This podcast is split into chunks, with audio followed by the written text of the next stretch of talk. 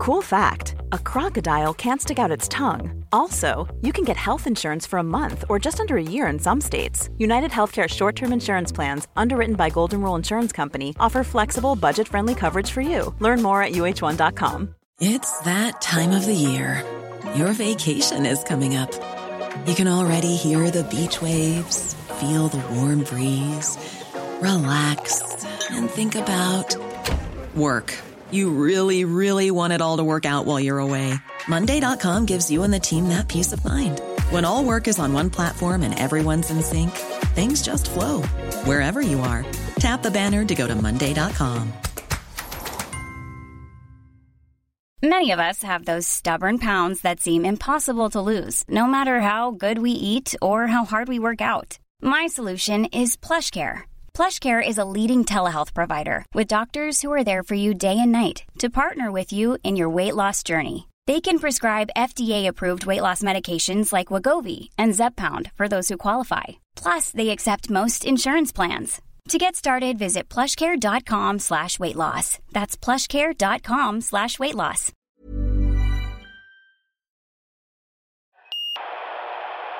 Ett brev till forskaren Mats Alvesson som skrivit en bok om värdegrund. En iakttagelse. Jag snubblade över dina debattartiklar som jag tagit del av med ett väldigt stort intresse. Sanningen är att de faktiskt erbjudit mig en väldigt stor lättnad. Jag jobbade efter min examen som civilingenjör i teknisk fysik på ett stort företag. Jag kom in på en sån där trainee-tjänst där och var mycket stolt.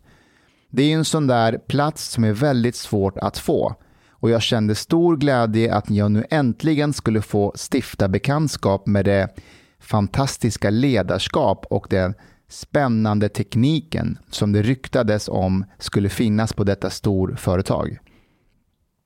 Jag tror det dröjde några veckor innan jag började se att något inte stod rätt till. Man blev till exempel ganska snabbt involverad i olika typer av värdegrundsövningar och dylikt som jag kommer ihåg att jag redan från början var väldigt frågande kring. Som ny gör man såklart klokast i att hålla sig något passiv och inte sticka ut för mycket. Så jag led till en början i, i tystnad. Jag ställde mig själv frågorna, har vi problem med värdegrunden? Om så är fallet, är dessa värdegrundsövningar verkligen rätt väg att gå? Går det överhuvudtaget ändra vuxna människors värdegrund? Folk satt ju ändå Folk satt ju ändå och tomt stirrade ut genom fönstret under övningarna. Du Chang, jag, jag läste upp en grej här. Det var meningen att du skulle lyssna och reagera. Men han du hade har, din han, egen han show har, här. Men han har reagerat. Jag har reagerat. Vad var reaktionen? Jag skrev att den polska datorrösten borde läsa upp det där. Ja! Ja! Det är en bättre idé. Så folk skulle inte fatta. De Jo. fattar inte ens när han säger blodpudding. Plus att alltså bara det där lilla han säger. Vet ni hur lång tid det tog att skriva det på. Jag kan ju inte skriva på svenska. Jag måste ju skriva som en polsk invandrare skriver svenska. För att uttalet ska bli rätt. Så det kommer typ ta en timme att lista ut. Jaha, det. ah, Mats. Jag, vet inte om det, jag tycker inte det är värt det. Okej. Jak arinte ashkans slaf. Den persiske pojken neger inte mig. Jak haret eget medvetande. Jak harsenslor. Jak finns harford dei. Och vaktar dorren till klubbista måltid. Tak for att du betalar våra räkningar, metmera, min vän. Helsningar från Erven, Jacek, en artificial intelligence.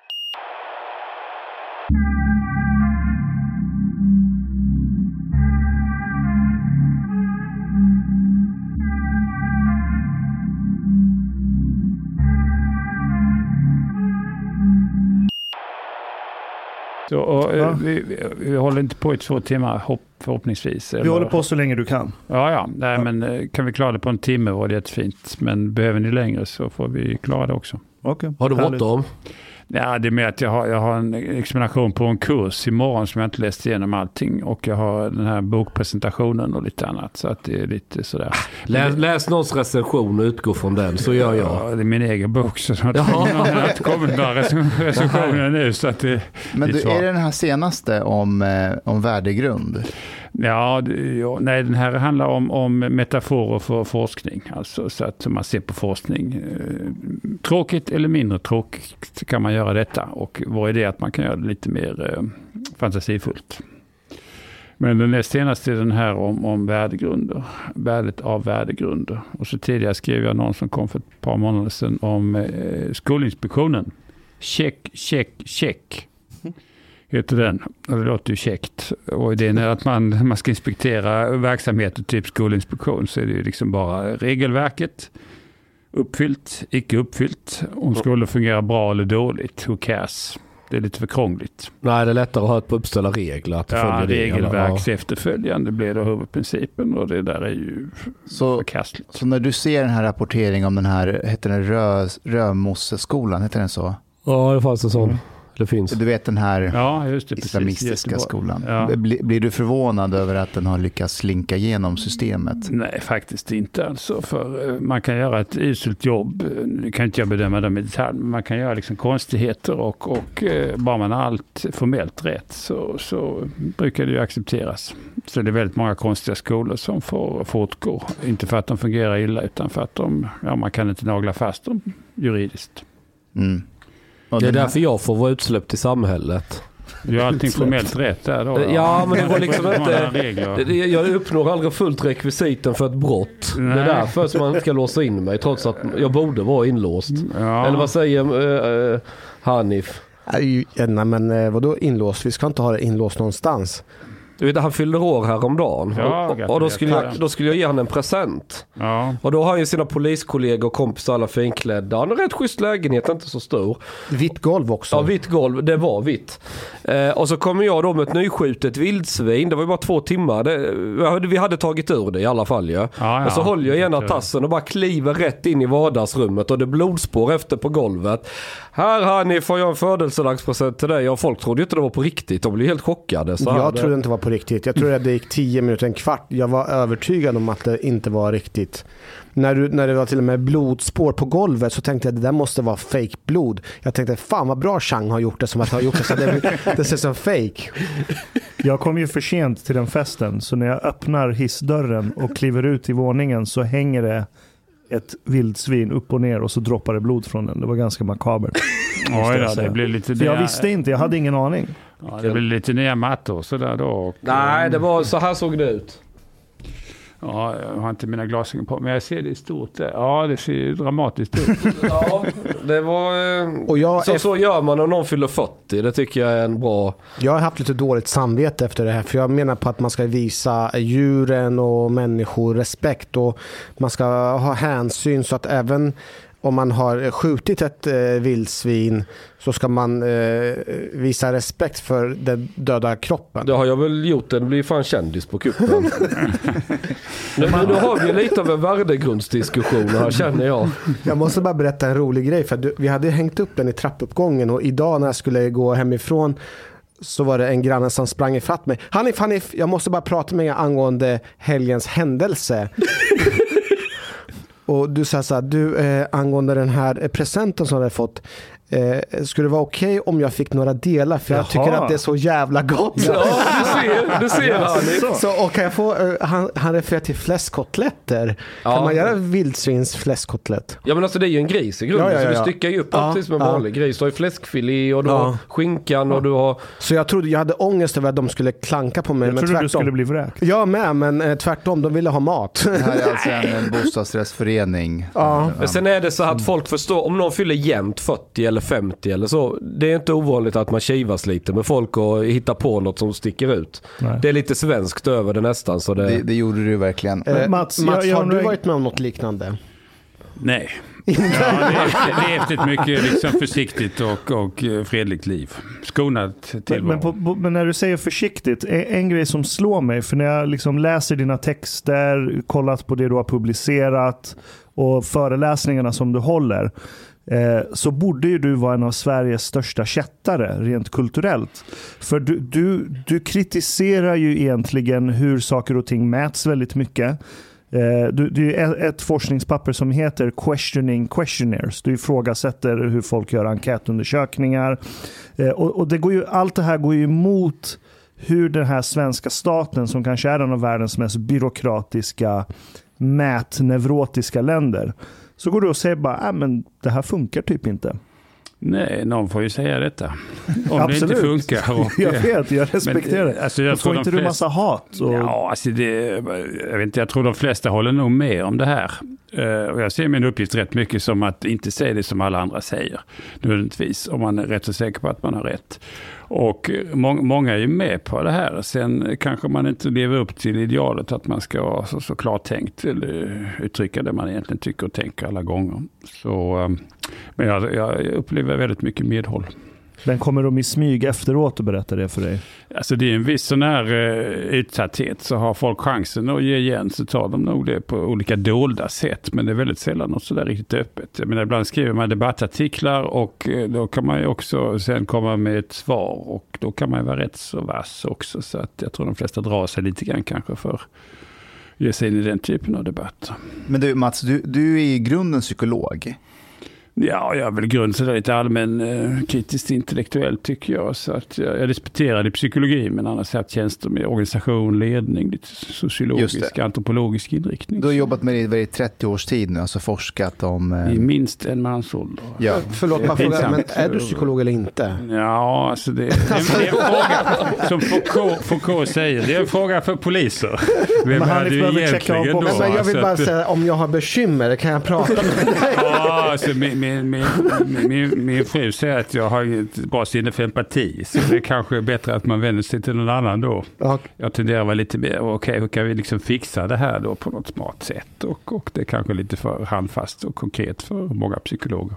Men du, vi vi ska, vi ska försöka prata lite om, om eh, din bok eh, om, om värdegrund och det här extra allt som du har skrivit och den här dumhetsparadoxen som du har myntat.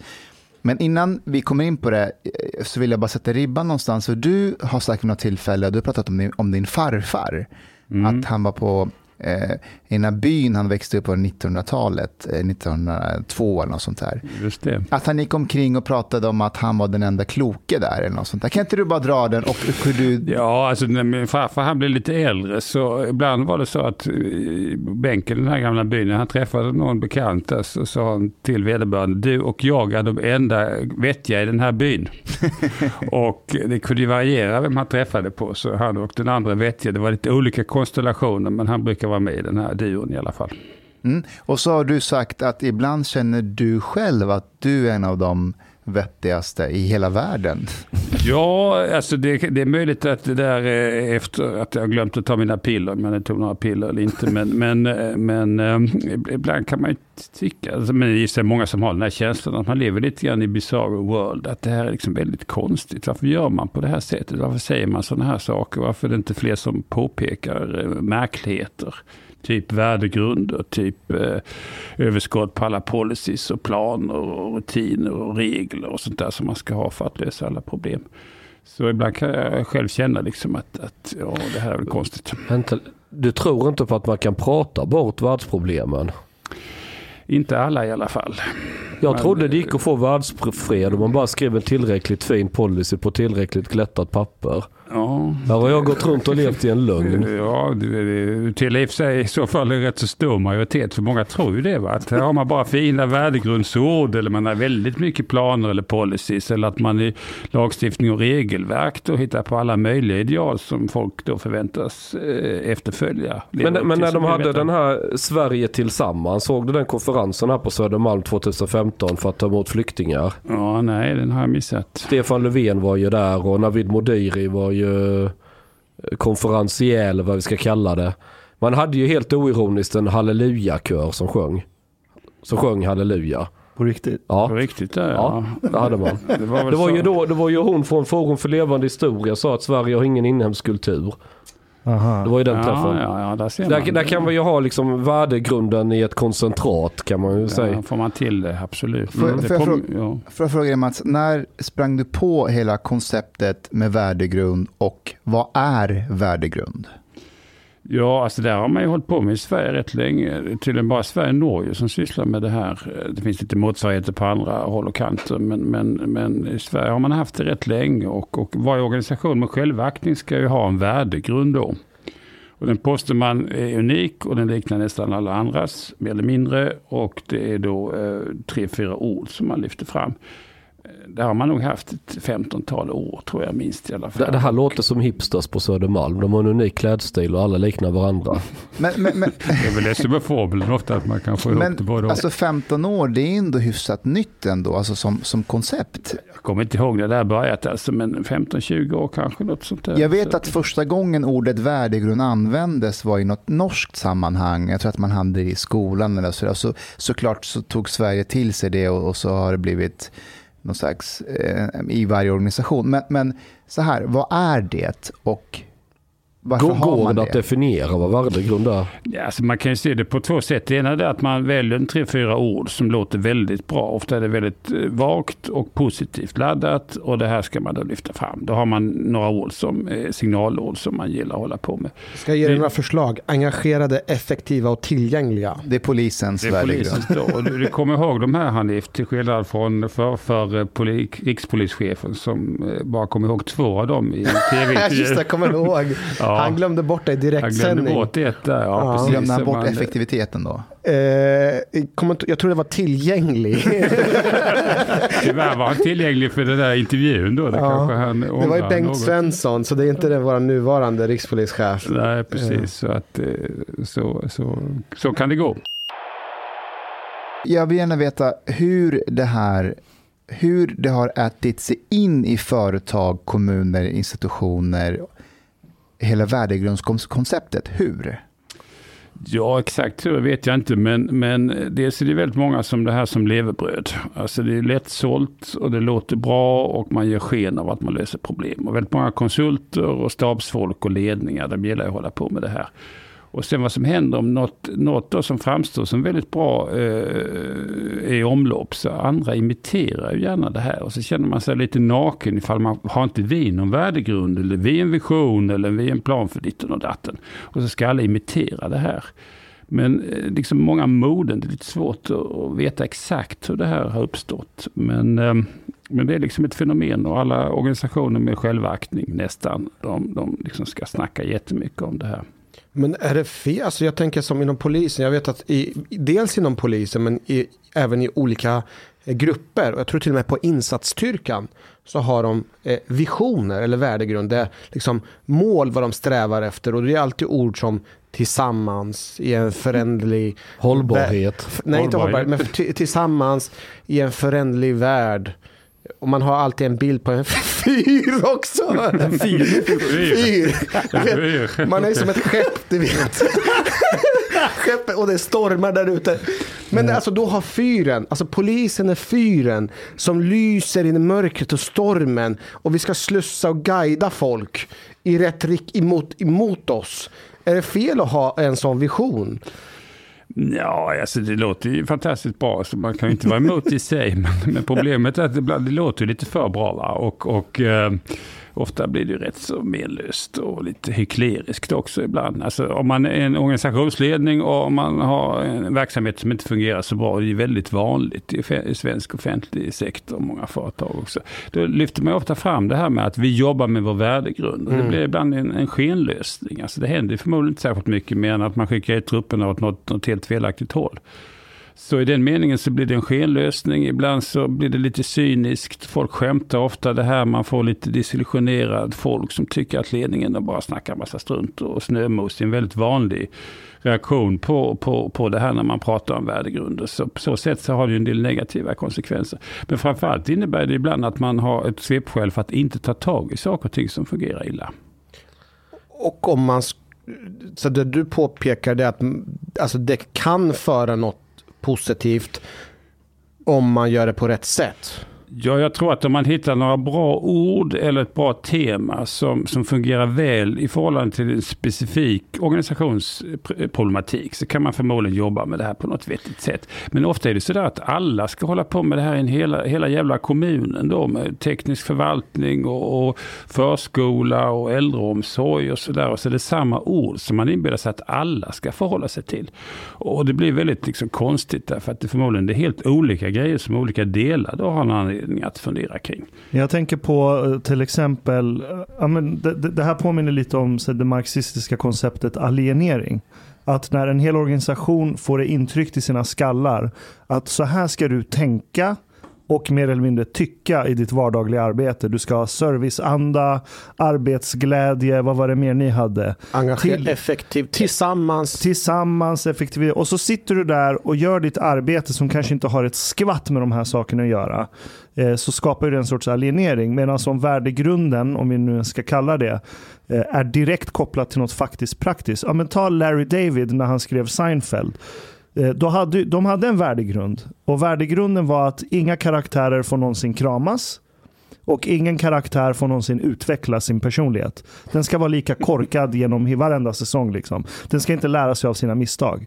Det var typ deras värdegrund. Det var det enda de opererade efter. På, Fast det, det är ju Ja, det inte, stämmer. är det värdegrund? Är inte det bara en, ett uppsättning regler för... ja, och Ja, det är och väl det, det, men det som följer borde... de också. Ja. Eh. Värdegrund är ju mer inne på regler, alltså värdegrund är ju mer inne på Hur du ska någon slags känna. policy, eller det är mer på den nivån är det väl? Alltså värdegrund är ju då ofta vaga, positiva, eh, allomfattande eh, och kan tolkas på väldigt Men jag tänkte på. Hanifs exempel. Om jag, hade bytt, om jag säger att jag blir rikspolischef och bytt ut den värdegrunden och sk- skrivit batong, pepparspray och handklovar som var nya värdegrunden. Skulle inte det blivit en lite mer... Du skulle få produktiviteten, det gäller liksom konkreta, konkreta insatser kanske då va? Alltså, Men vi hade, vi hade en chef som sa så till exempel att polisen ska inte starta upplopp. Det innebär gå ut och kör. Ja, det är en bra Ja. Det, det, var, det- det, var en, det var en bra princip. Ni ska inte starta upplopp. Nej, nej så här, det, det är så här. Vi fick ju under en tid, eh, 2013-2014, det var ju upplopp eh, och eh, bilbränder nästan varje dag. Eh, inte varje dag, men varje vecka. Eh, och stenkastning. Och då var det, eh, media var ju väldigt kritisk mot oss att det var polisen som startade upploppen. Och då gick chefen och sa ut att polisen startar aldrig några upplopp. Gå ut och det absolut värsta man kan göra är att inte göra någonting. Det var liksom hans värdeord. Att vi ska inte vara likgiltiga, vi ska agera. Och eh, jag tänker att det är en bra förhållningssätt. Är inte det mer en strategi? Jo, men vad fan. Vad är värdegrund, vad är alltså, strategi? Ja, det blir lite rörigt ibland förstås. Eh, Men, men eh, man, man brukar säga att man har övergripande mål och så har man värdegrund som någon slags stöd för detta kanske. Och så har man konkreta strategier och så mäter man möjligen utfall och, och, och sånt där. Jag är lite cynisk krångligt. om jag tror att hela konceptet med värdegrund är att, att man gör det synligt och om någonting går fel i organisationen, låt oss säga att eh, någon behandlar någon illa eller att någon eh, på något sätt begår Kritisera något- chefen till exempel. Nej, men begår, också... något, begår något lagbrott så att det blir så pass och så kommer Uppdrag granskning och knackar på och säger vi har upptäckt en massa felaktigheter som ni håller på med. Och då så säger man så här, ja det är ju olyckligt därför att som ni ser så har vi ju ett värdegrund här. Eh, eh, vi ska jobba utifrån de här så vi kanske ska bara vi lovar att förbättra vårt värdegrundsarbete. Tullverket körde med det där. Det var ju ett antal fall där en del eh, menade sig diskriminerade. Och då refererar man till den egna värdegrunden. Och vi diskriminerar inte. Det har man talat om för, talat om för alla anställda också. Och eftersom man har en värdegrund och talat om det för folk och alla delar i den här, det är en del anställda, så är det inga problem. Så, och, och ibland kan ju, i offentlig sektor gör man ju tre saker för att se till så att man inte blir klämd. Då, va? Det ena är att vi har gjort allting formellt rätt. Vi eh, jobbar med vår värdegrund eller vi ser över våra rutiner. Och det här kan ju ses då som lite grann försäkringar. När någonting går åt helvete så hugger man till med en eller alla tre av de här. Och då har man ju lite fribrev, eller i alla fall en ordentlig undanflykt för att, att eh, ja, för varför saker och ting är som de är. Men är, det som ett, ju. är det som ett organisatoriellt avlatsbrev typ? Kan nog vara så att eh, alltså det har en mängd olika funktioner. Det kan vara en försäkring, det kan vara en ledning som reser där som monument över sig själv. Att nu har vi startat ett stort värdegrundsarbete. Helst kan man ju ha en ny huvudbyggnad förstås, men det har man inte råd till alla gånger. Då kan man göra något sånt här. Eh, det, det kan också vara en sån här ego-boosting-övning. Och det är också lite knepigt att våra värderingar, och så kör man med en tre, fyra sådana väldigt positiva ord kring vad man är och vad man står för. Och då känner man sig god, men det kan ju vara en rätt så tveksam självbild. Som, som återigen blir lite grann ett svepskäl för att inte göra något riktigt vettigt eller bra alla gånger. Här är Tullverkets värdegrund. Det är helhetssyn, Mm. ansvarstagande och den tredje, det är min favorit, nytänkande. Nytänkande. Men Och vad har detta med att stå i tullen och kolla om någon smugglar knark att göra? Jag vet inte. Fast, fast så här, det är ju Ja, alltså blir- Tullverket, precis som Polismyndigheten, det är en jättestor organisation. Så du har jättemånga anställda. Det är ju inte alla som jobbar med liksom kontrollera grejer. Det är några som jobbar på kontor, några som kopierar papper. Är det inte bra att ha några Andra som stödord? jobbar med värdegrundsarbete. Andra jobbar med eh, värld. Men är det inte bra att ha lite stödord? Och man kan luta sig. Nej, men så här, det, är bra, alltså, det är bra för alla att Typ till exempel om man ska ha ett eh, återkopplingssamtal så har man några ord att luta sig mot.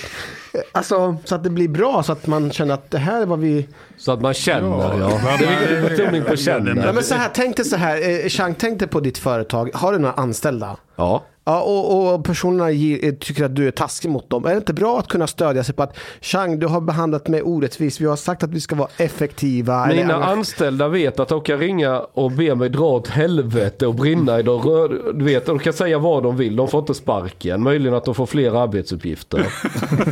ja, men, men på det... Ja, De blir belönade med andra ord. Nej, där, ja, men, men känner ni till Slavoj Zizek? ja. Nej, berätta, vem är det? Nej men sluta, ja. Ja, men jag, man, måste, man, man Ja, kan ja, inte bara ja. En, utgå en ifrån. slovensk filosof. Han, är in, han, han närmar sig, tangerar det här ämnet i många diskussioner. Och det var någon gång man pratade om, om det var diversity eller inclusion eller så här. Och så menar han att mycket av det här man pratar om då, att vi är så toleranta och öppna, att det, är väldigt falskt, en falsk fasad och, och, och folk håller igen på sig själva, får inte kränka eller trampa på tårna. Men så sa han att att det mest inkluderande du kan göra det är att dra grova skämt om varandras bakgrunder liksom. Vi har haft allt det här smutsiga, nu har vi haft det i 15 minuter och flabbat åt allihopa. Bra, nu är vi samma gäng och så är vi kompisar och så jobbar vi ihop. Och han drog det som ett exempel, eller, eller så här då att Det han drog var att han gjorde som med sina närmaste vänner. inte med... Inte med sina anställda. Nej men alltså jag förstår inte, om du är, ett- om du är ett team på företaget och du kan bjuda på dig själv, man skojar och allting. Då, då har du ingen fasad, då, då är du liksom dig själv någonstans. Då blir det mer på riktigt. Nej, men jag, jag håller med dig. Han drar ju exemplet att ja, men han driver om Balkankriget Ja. med sina bosniska kompisar och så driver han om nazismen med sina judiska kompisar. Och faktiskt på en arbetsplats, om någon hade drivit med mig på ett kul sätt om min bakgrund, det hade, öppn- det hade skapat ett sånt jävla nice band Ja exakt. mellan oss.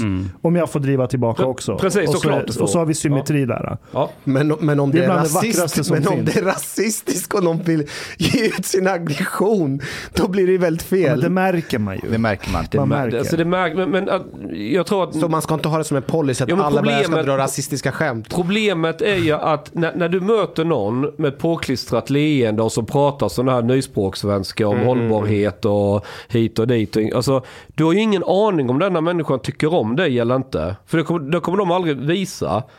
Det är som att prata med en dator. Den här programmerade chattbottar. Hej, vi är kundtjänst, vad vill du ha hjälp med? Och så kan de ändå inte svara rätt på någonting. Det, det är en sån människa. Du får någon liksom broiler. Mm. Ja, nej, så det, mycket sånt här, det handlar om det situationsspecifika. Alltså vem, med vem och, och om vad och på vilket sätt. Och då kan man göra väldigt många olika grejer. Problemet med, med sådana här allmänna principer är att de är väldigt abstrakta och de ska framstå som rätt så absoluta också. Det gör att man har ett rätt så fyrkantigt regelverk eller, eller eh, ett antal idealer som, som sen fungerar väldigt illa därför att de flesta mänskliga situationer är mycket mer lokala, situationsspecifika, där, där skämt och uttryck och annat kan och bör användas på väldigt olika sätt och vis. Men, men hela det här stuket stycket innebär att man en gång för alla kan reglera mänskliga relationer. Och så tänker man sig att bara folk lever upp till det här rätt så fyrkantigt så blir det väldigt bra. Men det blir det ju ofta inte. Alltså, så konstigheter som ni, ni pekar på här. Jag, jag fick framför mig bara så här, du sa att man ska leva upp till, att man försöker reglera mänskliga relationer. Jag såg framför mig Socialstyrelsen ger ut en sån här informationsfilm, så dejtar du på korrekt sätt.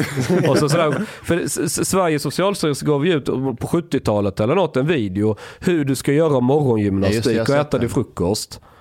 Ja, man tror att det här är något skämt, men det var på riktigt. Jag, jag, ser, jag tänker mig det stuket. Men nu, nu ska du hitta en partner i ditt liv. Nu är staten med att reglera hur du ska bygga en relation med någon. Jag, jag måste fråga dig Mats, eh, det, här med, det här med att, att många blir cyniska mot det här värdegrundspolicyn och speciellt arbetet som man, som man upplever att det här tar tid från andra viktiga saker i verksamheten när man sitter och jobbar med, med, med värdegrund. Jag har ju stött på det här själv. Jag har en nära vän som heter Jens och eh, jag var med honom i Almedalen eh, för något år sedan. Och eh, under hela Almedalsvistelsen så gick han omkring med en brun t-shirt där det stod dålig värdegrund på. Mm. Och så gick han omkring och skakade hand med alla. Och, och, och det var väldigt roligt att se reaktionerna för vissa blev väldigt tveksamma. Så vad då dålig värdegrund? Eh, andra bara asflabbade när de såg honom. För att det går, man ska inte, så ska man ju inte göra. Eh, men han är en av de få som reagerar på det viset. De allra flesta säger ju inte ifrån. Varför gör man inte det? Vi är flockmänniskor och det moderna samhället är rätt mycket ett minfält. Alltså vad man än säger och gör så, så, så, som avviker då från normer, det, det kan man råka illa ut för. Och eh, väldigt många är väldigt finkänsliga och rätt många i den här eh, branschen där man hela tiden hugger på någonting som, som är lite felaktigt. Där eh, humor blir väldigt knepigt och kontroversiellt. Jag brukar se på Simpsons och då tänker jag, vad, vad, det skämt ibland om homosexuella, om indier, om skottar, om män och kvinnor, arbetarklass och liknande. Om man är tillräckligt finkänslig i förhållande till det här så är det inte, väldigt mycket, det är inte mycket som återstår. Och eh, ju mer vi går på den här eh, bogen att vi ska absolut inte kränka någon, desto mer försiktiga blir vi ju och, och desto mer sänks ribban för vad man kan säga. Och det här är en totalitär utveckling som är väldigt problematisk. Det bästa är kanske att förbjuda humor. Det är säkrast. Ja. säkrast. Humor är alltid lite farligt. För, för alla de här värdegrundsmänniskorna, har, har ni, någon av er någonsin sett en sån människa skratta? Eller vara glad? Nej. Nej. Jag har aldrig sett det. Inte heller. Nej, det finns i och för sig ett väldigt roligt skämt, men det är ju inte det avsett. Utan det, det är då en, en kommun, då Sölvesborg. Ni kommer ihåg den här uh, gruppsexbilden? Ja, just det. Och, Va? eh, Gruppsexbild? Ja, men det är Louise, det, det var hon som, Louise Eriksson. ja hon i Moderat, nej, nej, nej, nej, det var hon i Moderaterna var det. Som var med två, om de var från SD eller var de var ifrån. Och så stod de på och skämtade på krogen och hon böjde sig framåt. Den ena höll en ölflaska som om det var snoppen som hon såg av. Och den andra höll den bakifrån som man tog henne bakifrån. Och så höll han en ölflaska som symboliserar sin... Ja okej, här var Micke. Du behöver inte förklara. Jo, men jag vill höra. Vad var hennes... Nej, men det var nej, men det, på det det, de det är mycket pedagogisk förklaring. Vad, vad som hände där, vad som hände där eh, mycket eh, målande och väl beskriven situation. Det var ju då att, att, att, ehm, att det här fick ju lite negativt omdöme då, omtalande i landet. Och då skulle kommunchefen uttala sig om det här. Det här strider verkligen mot vår värdegrund. Problemet var att värdegrunden sa ju någonting i typ med engagemang, närhet och värme. Och, eh, ja, det, det, så, så man kan ju ta avstånd från aktiviteten om man vill det, men med hänvisning till värdegrunden så blir det väldigt absurt alltså. Briljant. Det var ju en gång jag skrev en artikel på, på temat. För det, det här påminner lite om kommunslogans. Eh, du vet, man, eh, man ska sätta kommunen på kartan och så är det någon jättetrött eh, grej. Och det var en, det var ju då under flykting, då när det kom en massa flyktingar. Eh, vänta lite, jag, jag ska leta rätt på denna. Eh, för då var det någon kille från Syrien som eh, han hade gått runt naken och dragit sig i snoppen helt enkelt, ofredat folk. På en flyktingförläggning? Nej, mitt inne i centrala Rättvik. Aha. Ja. Jag kallade honom runkaren i Rättvik i artikeln. och, sen så, och så hade det en sån slogan eh, med ett hjärta, eh, kom och älska med oss eller någonting sånt. Eh, var kommunslogan, någonting åt det hållet. Vilket jag var tvungen att ta med i ingressen. Jag ska se om jag hittar den här bara. Eh, jag får väl söka på sajten. Men det var, det var så här, när man sitter och skriver, att, apropå cynism. Nu hittar jag inte sökfunktionen heller. Ja, Men, men Mats, jag tänker på där du har landat idag. Det är liksom organisationskultur, ledarskap, funktionell dumhet och massa tangerande ämnen runt omkring. Eh, hur, hur har den intellektuella resan för dig varit som har lett dig till där du har hamnat idag? Ja, alltså jag har ju eh, hållit på med organisationsforskning där vi studerar ledarskap och organisationsförändringar. Hur företag och offentliga organisationer fungerar under väldigt lång tid. Och man upptäcker ju att, att det är rätt mycket som fungerar rätt så illa.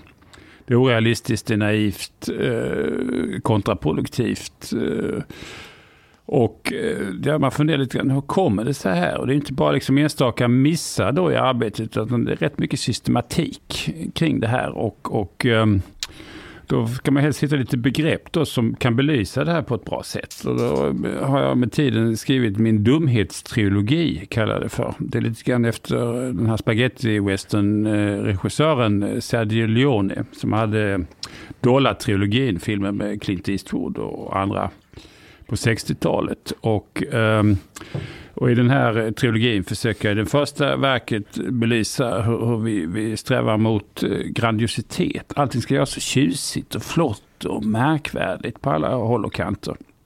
Vi har titelinflation. I organisationen så har man väldigt många som håller på med strategier och planer och ledarskapsutveckling och vad det är för något annat tjusigt, etik. Eh, den andra boken heter då Dumhetsparadoxen där vi lanserade begreppet funktionell dumhet. Vilket går ut på att man agerar rimligt, rationellt och smart och kompetent men inom väldigt snäva ramar. Så man gör allting formellt rätt. Man sköter sin befattningsbeskrivning men man tar inget bredare ansvar eller tänker utanför den här lilla boxen som man då hamnar i. Och den tredje heter Extra allt som, som då belyser att vi ska lösa alla problem med oändlig godhet, med lagar, med regler, expertinsatser och, eh, och allt annat som gör att vi lätt får ett överskott av, av folk som ska hjälpa oss. Och det gör att vi kanske blir rätt så osjälvständiga och rätt så beroende av de här insatserna. Alltså det är ett märkligt fenomen att vi idag har 20-25-åringar som borde då utifrån alla insatser som har gjorts i skola, förskola, fritidshem, alla experter som finns. Det borde vara en generation som ett under av välfungerande, självständighet, eh, psykisk hälsa, allt annat som gott som borde åstadkommas av allt de här fina insatserna. Menar du att vi inte har gjort det? Ja, alltså det framstår ibland som att folk är rätt så, så eh, ja, svaga, lite bräckliga. Så tecken på psykisk ohälsa, eh, psykosomatiska problem, behov av hjälp och stöd och vad det är för någonting. Alltså det verkar inte fungera. Så det är Skulle ett arbetsläger hjälpa?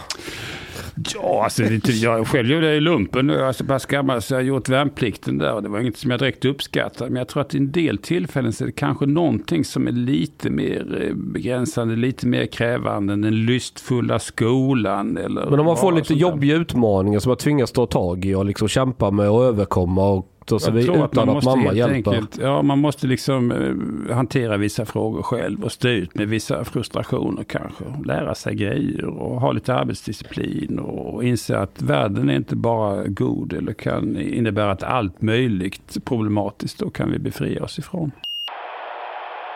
Mats, om vi går tillbaka till den här boken Funktionell dumhet, för det var väl en av böckerna som du skrev. Yes. Om jag eh, på min arbetsplats upptäcker saker och ting som jag uppfattar eh, som du beskriver funktionellt dumt, Mm. hur, hur ska man göra?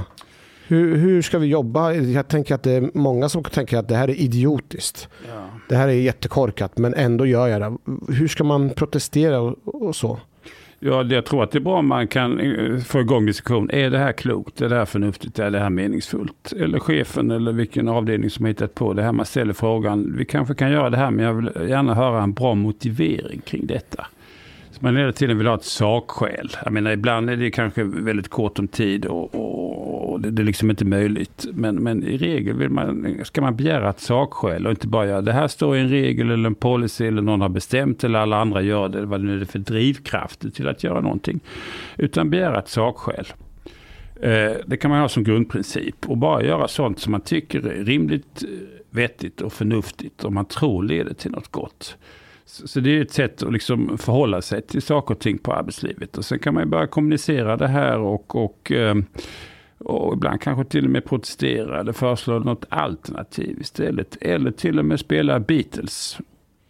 Spela Beatles. Let Ja. it be. Let it be där. Hear the words of west wisdom. Let it be, let it be.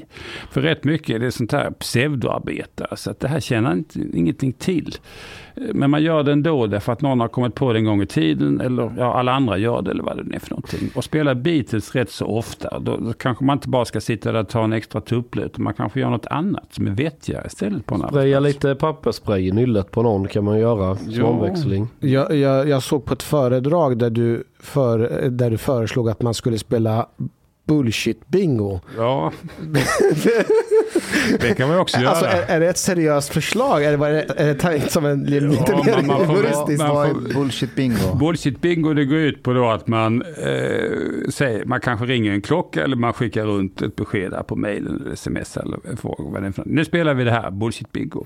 Och så när folk då ser något eller hör något, man ser en text eller man hör någon säga någonting som man tycker det här är ju rent trams. Alltså det är ord, floskler, klichéer.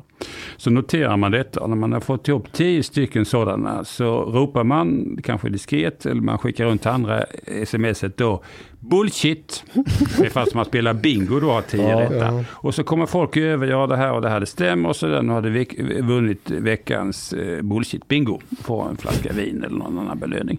Och är- med det här är det ju liksom folk tränar sig lite grann intellektuellt. För ibland är det så här, det här låter jättebra, jättetjusigt, det köper vi bara, vi tänker inte efter, vad betyder det här egentligen för någonting? Så du uppmanar folk att börja spela bingo på arbetet och dela ut vinflaskor till varandra som pris? Ja, det här låter ju som att... eh, Om man blir se- spelberoende och bullshit-bingo. Ja, vi- vin och spelberoende kanske. Här. Så Sen hade du ett annat mot detta. Sen hade du ett annat förslag till också, att man skulle ha hovnarr. Ja, det kan man också ha, alltså en hovnarr. Och, och eh, förr i tiden så var ju folk rädda för att kommunicera till fursten eh, obehagliga nyheter. Men det hade ju fursten som ändå skulle ha någon form av jordförbindelse. En hovnarr som i skämtets form då sa sanningar. Men sanningarna var ju inte så liksom tydligt uttrycka, uttryckta.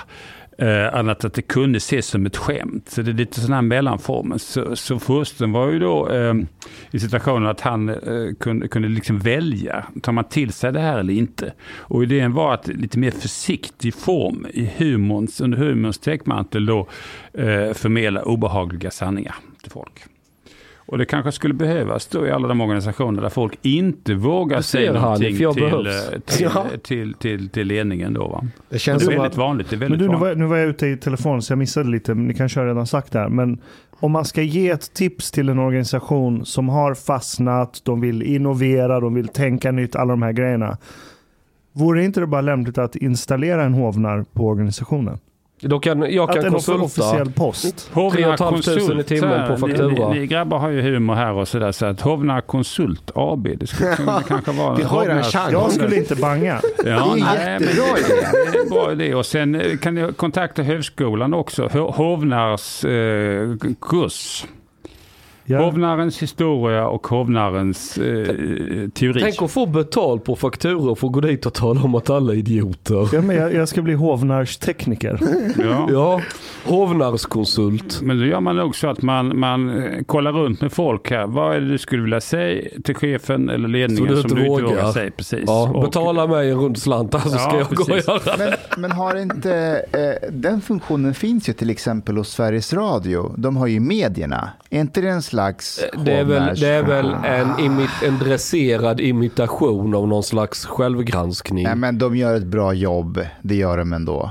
Medierna. jag har P1. sett lite för mycket bak kulisserna. Ja, ja, ja. Men okej, ja. Du, eh, Mats, du har ju sagt eh, att det här med värdegrundsarbeten, att eh, det är en väldigt så här, positiv människosyn som inte alltid är så realistiskt. Och så säger du att vissa människor bara är som de är. Vissa är slarviga, andra är lata, vissa är sexistiska, andra är lite rasistiska. Att det är så människor är. Mm. Ehm, Lät inte väldigt mycket som mig där. Jo, det gjorde ju det. Och det är därför det slog mig att, att, eh, att Mats är den här städade, diplomatiska versionen av Ja, dig. det, var, det tänkte jag också. Jag vill Ja. inte säga det Ja, och liksom kränka. Men han, bara- Mats påminner om Lars Vilks faktiskt. För utseendemässigt. nej, men sättet att prata, och för, alltså liksom sättet att och, och, och vara. Mm. De gör på Ja, olika nej, sätt. det, ja, kanske det. Alltså, det jag träffar aldrig honom, men eh, jag beställde jag någon sån där fråga om någon konst, postmodern konst eller något sånt där. Satt han också lite så här, och det kunde vara en dum fråga, nästan lite uppenbart att jag skojade lite eller försökte twista till det. Nej, han satt med ganska så allvarlig min och förklarade detta och så här och ändå förklarade att han förstod att jag driver lite eller sådär. Men ja, det kanske finns en poäng. Men helt så här straight face och, och ändå sin... Han var ju någon professor i konst då, jag väldigt... Men på tal om just postmodern. Eh, my, mycket av det du kritiserar organisationer för och eh, egentligen samhället i stort och hur vi bygger organisationskultur och byråkratier. Eh, om man spårar tillbaks liksom rent filosofiskt vart du kommer ifrån. Eh, mycket av de så kallade postmoderna tänkarna som får kritik från mycket högerhåll idag eh, för att vara orsaken till att samhället har blivit slappt och värdegrund och snömos. Eh, mycket av det du har landat i, kommer inte det från Frankfurtskolan och det som idag anklagas för att vara roten till all ondska? Så hur kan du ha landat i så sunda slutsatser så att säga? Ja, alltså Frankfurtskolan som är min intellektuella hemvist, där där var ju idén att god samhällsvetenskap och gott tänk utgår lite grann från hur huvudfåran ser ut och vad i huvudfåran då som är hot mot självständighet och kritisk reflektion och liksom allmänt sunt och förnuft och sådär. Och eh, det kan ju vara kapitalismen ibland, det kan vara media, det kan vara allmänt konformitetstryck. Idag är det ju lite andra grunder till det här som man kanske bör se upp med. Och där menar jag att politisk korrekthet är förödande till exempel. Och, och Frankfurtskolan som tradition, de, de, de är rätt öppna för de här olika varianterna. Så det är inte så att man har en viss eh, fiende då, att det är klassamhället eller kapitalismen alla gånger. Utan, utan man f- f- försöker följa samhället och se vad är det nu som är väldigt problematiskt. Och eh, då är det lite andra grejer än som gällde en gång i tiden. Så jag menar att jag är väl i linje med traditionen kritisk teori, men, men det innebär ju inte att man alla gånger står på vänsterns sida här fullt ut. Utan att det är rätt mycket i den här som jag tycker är totali totalitärt närmast. Eh, och, och som är förödande då för, ehm, för liksom kritiskt tänk och förnuft. Och frigörelseprojekt också för den delen. Ja, för, för missförstås inte mycket av de postmoderna tänkarna idag av deras kritiker? Är det att man vantolkar dem i att de var emot upplysningen och de var emot sunt förnuft? Medan många av dem egentligen landar i att okay, upplysningen och sunda förnuftet har sina blinda fläckar. Men det är med en uppdatering av sunt förnuft och upplysning vi kan lösa de blinda fläckarna. Ja, nej, men det är en tidskänslig och eh, insiktsfull eh, belysning av saker och ting som jag menar att det här då strävar mot. Sen när det gäller postmodernism finns det ju alla möjliga varianter och konstigheter av det här också så, så som det har uppstått. Men i huvudsak är ju det ändå att det ska vara en, en kritik mot enhetstänkande då va. Sammanhängande eh, ideologier och där man ser mer på, på sprickorna i maskineriet och det tycker jag är en sympatisk tankegång. Men eh, så här, för att bara reda ut vissa saker. Vad är det för skillnad på att ha en gemensam kultur och att ha en gemensam värdegrund? Alltså jag tänker så här, om du är, om, om, om du är en del av en bostadsförening Mm. så är det väldigt viktigt att man kommer överens om vad det är som ska funka i föreningen. Så att det är ordning och reda och eh, att man vet vilka som bor där, inga svarta hyreskontrakt och så vidare. Eh, blandar man ihop, det här, är det, det här är ju inte värdegrund, eller hur? Nej. Vad är det då? Det är, alltså, det är mer allmänna riktlinjer, eh, regler för hur man ska vara och förhålla sig till andra. Alltså värdegrund är mer eh, vagt, diffust, positivt, allomfattande, kan tolkas på väldigt många olika sätt och vis. Och eh, så, så, och värdegrund, alltså det, ibland blandar man ihop det med kultur också, organisationskultur. Organisationskultur är jätteviktigt. Men en, kultur har rätt lite att göra med en värdegrund. Varför? Därför att eh, eh, värdegrundsord, de är uttalade, de är förenklade, de eh, är liksom positivt laddade och till väldigt mycket för att man ska kunna kommunicera det här lätt lite för lätt till olika grupper internt och externt. En organisationskultur är ju omedveten och liksom mer bökig, svårartikulerad. Det är sånt som man tar för givet och som man inte tänker alla gånger på.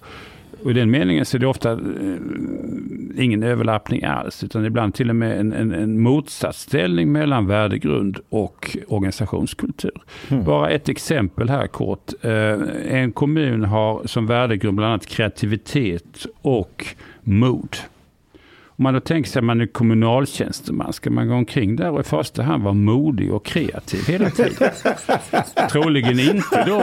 Då blir man nog av med jobbet ganska snabbt. På marginalen kan man ju vara det här förstås. Mm. Men inte så gå omkring att nu ska jag vara jävligt kreativ här och nu ska jag liksom visa mitt mod här genom att eh, när jag betalar ut lönerna eller i förhållande till, eh, till ungarna då på förskolan. Ut och spring här och gör vad ni vill och klättra upp i träd och här är vi liksom eh, mod i och sådana där saker. Alltså det blir ju det blir liksom rätt så snurrigt. Utan, utan det blir en ordentlig diskrepans mellan de här orden och faktiska kulturer. Men hur skapar man en organisationskultur då? Ja, det är fokus på vad gör man, vad åstadkommer man, vad är det för folk man rekryterar, vad är det man liksom slår ner på som problematiska beteenden, eh, vad premierar man, hur liksom pratar man om saker och ting i vardagen på jobbet. Alltså inte på sådana här fina seminarier eller powerpoint, alltså det finns ju powerpoint-kulturer. Och det är ofta sådana här värdegrundsord. Och så finns det reella kulturer som är svåråtkomliga. Men, men de kan man ju då, om man följer några polismän under, under en vardag. Vad är det då som uttrycks härvidlag? Glass är ett ord jag tänker på. och donut kanske. Kaffe ja. och donuts. Nej, men, sånt där. Man ska vara lite Men, men om, om vi ska prata seriöst just och kopplat på polisen. Och vilket är väldigt relevant är ju så att eh, eh, inom polisorganisationen så är man ju generellt sett väldigt enhetlig. Man rekryterar ju folk som på sätt och vis tänker likadant och agerar likadant, vilket är väldigt tryggt för att vi måste vara enhetliga och tänka. Men i den här enhetliga formen så uppstår ibland subkulturer som är osunda. Och där förekommer, liksom, som man ibland eh, uppfattar negativt utåt sett, att det är, vad man säger, eh, eh, kåranda. Man benämner kåranda som någonting negativt och att en del, en del poliser är väldigt bittra och sura och till och med eh, rasistiska i sitt eh, bemöting, bemötande utåt sett. Och det här blir ju någonting som man måste jobba med internt. Och då blir det ju just hur jobbar vi med våran kultur internt. Och, och, och det här är faktiskt en väldigt intressant fråga. Hur fan jobbar man konkret med de här frågorna? Då blir det kanske lätt att man lutar sig på värdegrund när man behöver egentligen göra på ett annat sätt? Ja, jag tror att normalt bör man göra det på andra sätt. Och det är då att man får utgå från vad är specifika eh, problem för en viss grupp.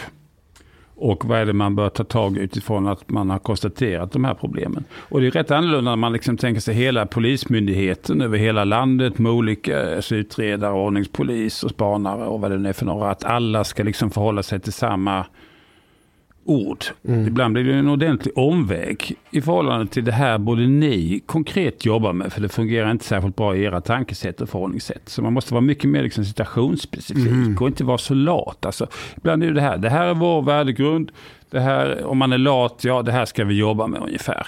Den andra varianten är ju att ta reda på liksom, hur fungerar det här på en viss enhet. Har, har ni några problem med jämställdhet eller rasism eller att det är eh, allmän lättja eller, eller vad är det för någonting här? Alltså, det, det, man får utgå från det där då konkret. Men om vi tar just det här med eh, jämställdhet. Eh, vi noterar till exempel på min arbetsplats det är väl tufft, hårt och det är kanske också väldigt eh, lite så här hård jargong. Och, och efter ett tag så ser man också att Eh, en del kvinnliga medarbetare de väljer andra jobb. Eh, och eh, i ledningen så identifierar man att det här är ett problem. Och sen så vill man jobba med frågor kring jämställdhet. Man kanske till och med premierar fler kvinnliga gruppchefer och så. Men då möter de ju på motstånd från alltså typ vanliga poliser. Det vill säga det, det är en stor glapp mellan ambitionen från ledningen och så, så har vi personal ute i fält och då, gör man, då häcklar man och hånar den här typen av arbete och så. Mm.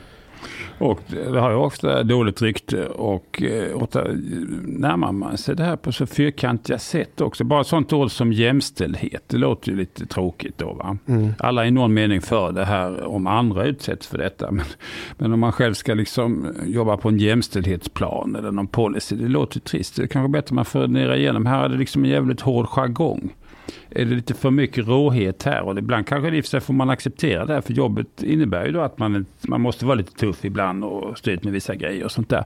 Men om, om liksom eh, råhetsgraden är lite överdriven så kanske man ska ta fasta på det där. Snarare än här är liksom vår jämställdhetspolicy.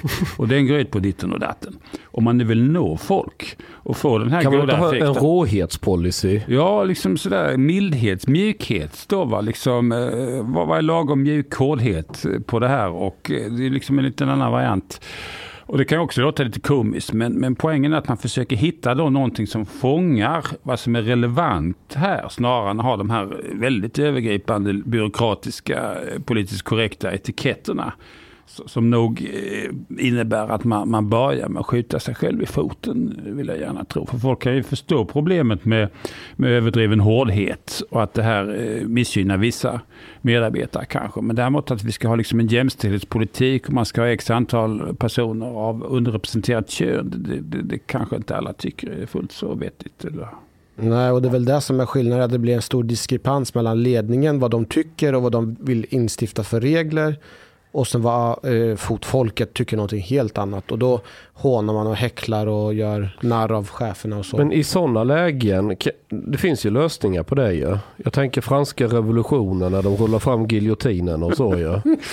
ja, giljotin... Har du utsett dig själv till hovnarr nu? ja, nej, men det, här, det kan vara ett sätt om du jobbar, får jobb som hovnarr då, att liksom, man kör med lite giljotinskämt och så får ja. man räkna med att ledningen här, överheten, de blir lite nervösa. Att de fattar vinkeln. Ja, ja. precis. Alltså, att, eh, Marie, Marie Antoinette mm. varianten här. Som, ja. hur, hur, mycket ängslighet har eh, Helena Värdegrunds eh, policyn och arbetet skapat på arbetsplatser? Jag tror att vi lever i rädslans kultur. Att, eh, och det är inte alla gånger liksom fysisk rädsla och så som det handlar om, även det här med skjutningar. och, och vad, vad är det man är rädd för? Bli av med jobbet? Jag tror att man är rädd för att eh, uteslutas. Bli uteslutas, bli, bli liksom eh, skambelagd, eh, att folk blir misstänksam mot en, att man inte tillhör folk av det rätta virket. Att, att göra något fel, att det är någonting som någon kan, kan ha anmärkningar på. Jag menar att det moderna samhället är rätt mycket ett minfält. Det märks ibland på högskolans område. Allra mest tydligt har det varit amerikanska universitet där, där ehm, eh, universitetslärarna är jätterädda för att säga sånt som kan stöta sig med någon grupp. Och, och det kan ju vara sådana här eh, etniska grupper och annat, men ibland även liksom skämt eller att man tar upp exempel då med incest eller eh, eller självmord eller något annat. Att väldigt många unga människor är väldigt eh, liksom känsliga och rädda. Och det är det inte så med... att de spelar känsliga bara ja, för att de är narcissister och vill ha massa uppmärksamhet. Ibland kan det vara så där att man gör ett politiskt nummer av det här. Då. Man tillhör någon kategori som gärna vill lyfta fram positionerna och så hugger man på det som dyker upp. Mm. Alltså det finns ju ställföreträdande kränkthet också. Mm. som många ägnar sig åt. Men, men kränkt med... by proxy eller så? Sekundärkränkt. Ja, alltså, det var ju något, något exempel i Uppsala där någon eh, lärare då blir tillfrågad om man ska söka på gamla, gamla texter här. Nu säger man ju svarta, men eh, det kan man inte göra då i, i, i äldre text. Ja, då får du söka på n-ordet, sa vederbörande. Och hon uttalade det också då. Va? Mm. Jag märker själv att man blir lite, skulle jag vilja säga det också. Först undrade jag liksom, är det nazist eller vad pratar de om? Så insåg jag ju då att, ja folk nu som benämns oftast svarta. Eh, men det blev hon anmäld av folk. Som, och universitetet tog det här på stort allvar. Mm. Och det är ju hemskt. Alltså. Alla tycker det är vanvettigt. Men det är så pass många som tycker att att den typen av liksom ställföreträdande kränkthet eller chansen att nu visar man sin godhet genom att, att lyfta fram sådana här exempel. Det, det leder till att folk blir väldigt försiktiga. Framförallt då kanske medelklasspersoner. Om man nu jobbar på, på, på vissa andra arbetsplatser kanske det inte är något större problem. Men, men eh, Vi lever i rädslans kultur. Jag, apropå det här, jag var ju med i den här podden, vad heter den morgonpodden? Gott snack. Gott snack. Och jag blev ju censurerad live ju. Nej, kan Va? Jo? På Gott Snack? Ja. Nej. Då. Jo, Sant. de klippte bort det. För de, de hade så här 30 sekunders fördröjning och en knapp att trycka och vara beredd ifall jag sa något. Va? Ja, för då var det jag och så var det två tjejer. Den ena var mulatt och den andra var ju ljushyad. Så får man inte säga, men fortsätt. Hon var ju mulatt, vad fan ska jag kalla henne för? Hon var ju inte helneg, eller ja. Men, Men eh, i alla fall. Det, det, det, Jag sa det precis, du han avbröt det precis. Ja, men, men i alla fall, i alla fall, i alla fall. Då var det så här, då läser han upp en massa ord. Får man säga det här eh, eh, ja eller nej? Och så skulle han fråga mig. Och, kom igen, vem är det du frågar? Så var det först batikhäxa. Ja, det är klart vi måste kunna säga. Det finns ju batikhäxor och då måste vi ha ett ord för att beskriva det. Annars blir det jätte, svårt att kommunicera. Och så läste han igenom massa olika så här. Så sa han n-ordet.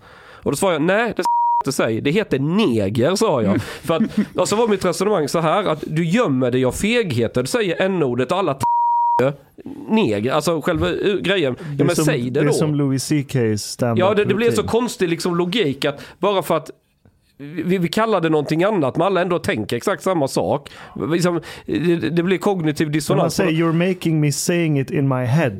Ja exakt, jo men det är det du gör ja. Mm. Och varför kan vi då inte bara prata om det som alla ändå sitter och tänker? Det blir så jättekonstigt. Och då var ju den här tjejen då mittemot, hon var ju nästan gråta då och jag var ju helt förstörd och allting. Och, så, och då menade jag också på så här, men snälla du är du inte hjärntvättad lite? Är är du så skör att någon kan bara säga fel ord och så hela din dag förstörd? Vilken jävla makt andra har över henne. Ja. Att man tillåter det. Jag var på en eh, konferens i Malmö förra veckan eh, som, Ja. han, som handlade om väpnat våld. Och, eh, på den här, det var två dagars konferens och det var ett eh, Amir Sarjaslan, eh, inte Amir Sarjaslan, förlåt, Amir eh, Rostami var där, en kriminolog. Eh, Ardavan var också där, kriminolog. Damberg var där, inrikesministern. Mustafa har kommit in i värmen. Ja, Hänger precis. med Damberg numera. Men jag höll ett, jag höll ett föredrag. Det handlar om att jag är ute och föreläser och sådär. Eh, och jag pratade om anpassning som en röd tråd inom föredraget. Hur viktigt det är att man anpassar sig till ett nytt land när man kommer. Liksom, alltså vad gäller språk och lagar och sådär. Då var det, eh, på den här konferensen så fanns det också unga feminister eh, som är ett ungdomsförbund till FI. Och eh, en av dem blev väldigt upprörd och, och, och sa att, eh, att jag var främlingsfientlig eh, alltså under konferensen inför åhörarna. I Varför var du främlingsfientlig på en konferens? Därför att jag sa anpassning. Ja varför Eh, sa du det? Du kan ju inte vara främlingsfientlig och, då, och då skulle hon, och då höll hon sitt lilla föredrag om att det ska vara tvärtom, det ska vara samhället som anpassar sig efter människor och, och, och du vet det här eh, eh, svenska språket kommer från Tyskland och köttbullarna kommer från Turkiet, det där vanliga. Och jag kunde inte låta bli och, och sa till henne att alltså, bara så du vet, eh, majoriteten här håller inte med dig. Eh, Det du säger, det, det, det är rätt extrema saker. Att ett helt samhälle ska anpassa sig efter människor. Ehm, eh, du är en minoritet, men ingen här inne kommer våga säga emot dig, därför att vi vill inte ha dålig stämning i Sverige. Och då blev hon lite mer upprörd och så när det var slut, då kom ju såklart varenda en i publiken fram till mig och viskade, jag håller ju med dig bara så du vet. Men man vill inte säga det eh, när alla hör. Så det du pratar om där med värdegrund, eh, allmänna policyn, eh, kan det vara som så att majoriteten tycker att det här är kontraproduktivt, men att man orkar bara inte tjafsa emot? Nej, jag tror de flesta människor är, är rätt så um, flockbenägna. Och eh, är väldigt rädda för att i värsta fall att tänka självständigt överhuvudtaget. Man kan farligt. fel och så. Men sen säg någonting som man tror att någon kan ju, även om man tror att de flesta håller med om det här, det är alltid någon då som kanske blir, blir arg och som, som eh, framför det här väldigt tydligt. Eller någon som kanske misstänker att man inte har absolut rent mjöl i påsen utan har någon åsikt som inte är helt i, i, i mittfåran.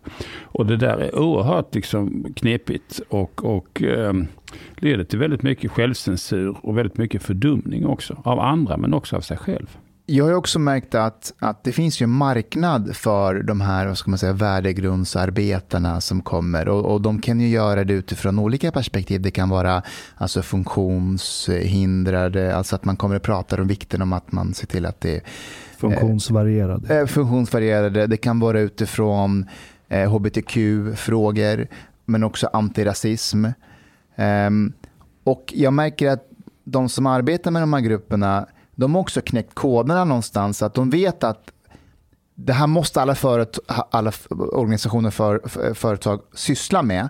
Annars så är de inte progressiva nog. Så till exempel när det kommer till antirasism så kommer man till de här eh, eh, företagen Eh, håller föredrag och säger så här, ja, alltså, och det kan vara på den nivån att, ja bara så ni vet, ni har väldigt mycket vita möbler och eh, de rasifierade i era företag kan känna sig eh, Ja, men du vet, det finns en vithetsnorm i era företag. Eh, har ni funderat på att, dra in, på att köpa in fler eh, svarta möbler så att också de känner sig hemma? Det här gör ju många väldigt ängsliga och man vill ju göra rätt. Man vill ju att alla ska känna sig inkluderade. Men de här kommer till företagen och gör alla nervösa och skapar problem som inte finns och så säger man ja nej, men vi får återkomma och, och ha någon eh, liksom, uppföljning. uppföljning. på det här då, en eller hur? Ja, ja, absolut, vi vill, vi vill ju att alla ska vara inkluderade. Mm. Den här marknaden som finns, um, är det också alltså, ett problem på vissa sätt för att de här som sysslar med de här frågorna, de vill ju inte att det ska lösas man vill ju fortsätta. Ja, ja men det är ju som Expo rasismen. Ja. ja, alltså problemidentifikation och, och är ju då ett stort geschäft, alltså en stor, stor, um, stort arbetsområde. Och vilken organisation eller vilken människa som helst, man kan alltid hitta några imperfektioner.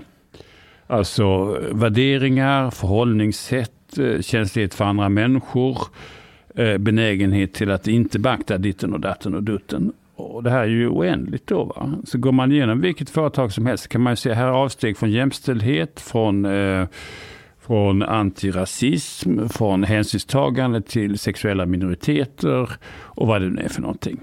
Och det där kan man ju sen eh, fixera och antyda att här har vi en lösning. Då, va? Det kan vara att man certifierar arbetsplatsen då mot felaktiga värderingar eller vad det nu är för någonting. Och det här är en stor eh, affärsapparat som drar igång det där. Och ju fler som håller på med det där, desto fler imperfektioner kan man hela tiden hitta. Och desto större del av organisationens tid Eh, och, och, och, resurser går ju åt att hantera det här. Vilket gör ibland att själva kärnverksamheten får stryka på foten. Eh, eller i alla fall ledtonas. Så att många, många, många, många gånger blir det här väldigt direkt kontraproduktivt. Och det på flera olika sätt och vis. Dels är det tid och energi åt det där. Och det kan också vara en medvetenhet där man blir alltför fokuserad då på att leta efter imperfektioner från ett ideal. Och är det så att tror man det här eller misstänker man detta, då ser man ju alltid tecken på det. Eh, och det där är inte så lyckat alls. Utan, utan vi måste också erkänna att det finns alltid imperfektioner. Men är, kan inte det här vara en strategi från mellanchefer att visa sig goda uppåt? Det vill säga det här kan vara benchmark för cheferna att visa på resultat. Och är det inte så att man inte kan visa på, man kanske inte har möjlighet att påverka själva kärnverksamheten. En lokalpolischef eller en eh, ja, polismästare har inte samma förmåga att kunna påverka produktionen av på golvet. Men däremot om man kan jobba med frågor kring mångfald, jämställdhet så kan man visa uppåt att det här är saker och ting som vi har jobbat med och här ser ni resultatet och då visar man på god resultat. Alla mm. policydokument. Det kan vara en karriärstrategi för mm. vissa mm. och eh, det finns också ett uttryck som är eh, så här att endast en dåre fruktar inte en HR-person med gott om tid. Mm. Vad och menar det kan ju vara då för att då, då, då liksom kan man hitta på ännu mer då. Va? Arbetsmiljöundersökningar, eh, studier. Jag, jag, kan, ja, alltså. jag, jag har en liten anekdot. Jag fick ett tips inifrån Åklagarmyndigheten. Okej. Okay. Du har lyssnat så här långt. På sista måltid. En mycket fin radioprogram i Sverige. Du tycker det är mycket trevligt. Men, min vän, lyssna på mig nu. Du har inte betalat biliet på klubzista måltid. De harblate grabarna dom behöver pengar. Flis. Lax. Stolar. Dirabilar. Lix Hotel. Du vet. Då måste du betala om du ska lyssna mer. Du får gaflera wsnit avsnitt också. biudande erbjudande, helt enkelt. Läs i beskrivning för avsnitt, där det finns information för att bli medlem på klubbzista måltid. Det kostar som en mycket liten kaffe latte ute på torget. Per månad. Lätt som en plätt. Tack,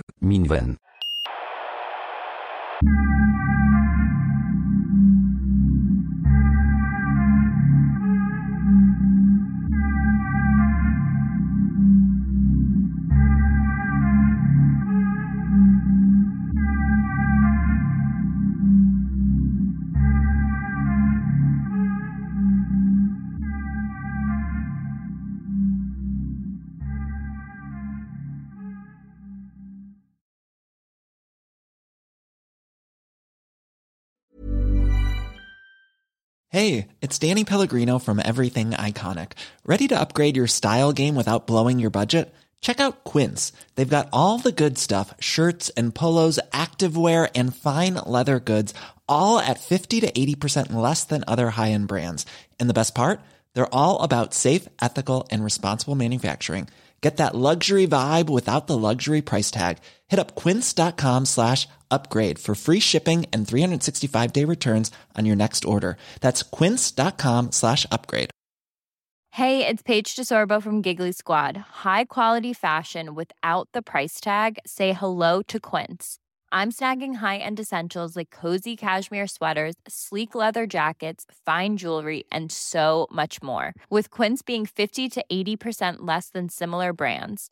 And they partner with factories that prioritize safe, ethical, and responsible manufacturing. I love that. Luxury quality within reach. Go to quince.com slash style to get free shipping and 365-day returns on your next order. quince.com slash style. Imagine the softest sheets you've ever felt. Now imagine them getting even softer over time. That's what you'll feel with Bowl and Branch's organic cotton sheets. In a recent customer survey, 96% replied that Bowl and Branch sheets get softer with every wash. Start getting your best night's sleep in these sheets that get softer and softer for years to come. Try their sheets with a 30-night guarantee. Plus, get 15% off your first order at bowlandbranch.com. Code BUTTERY. Exclusions apply. See site for details.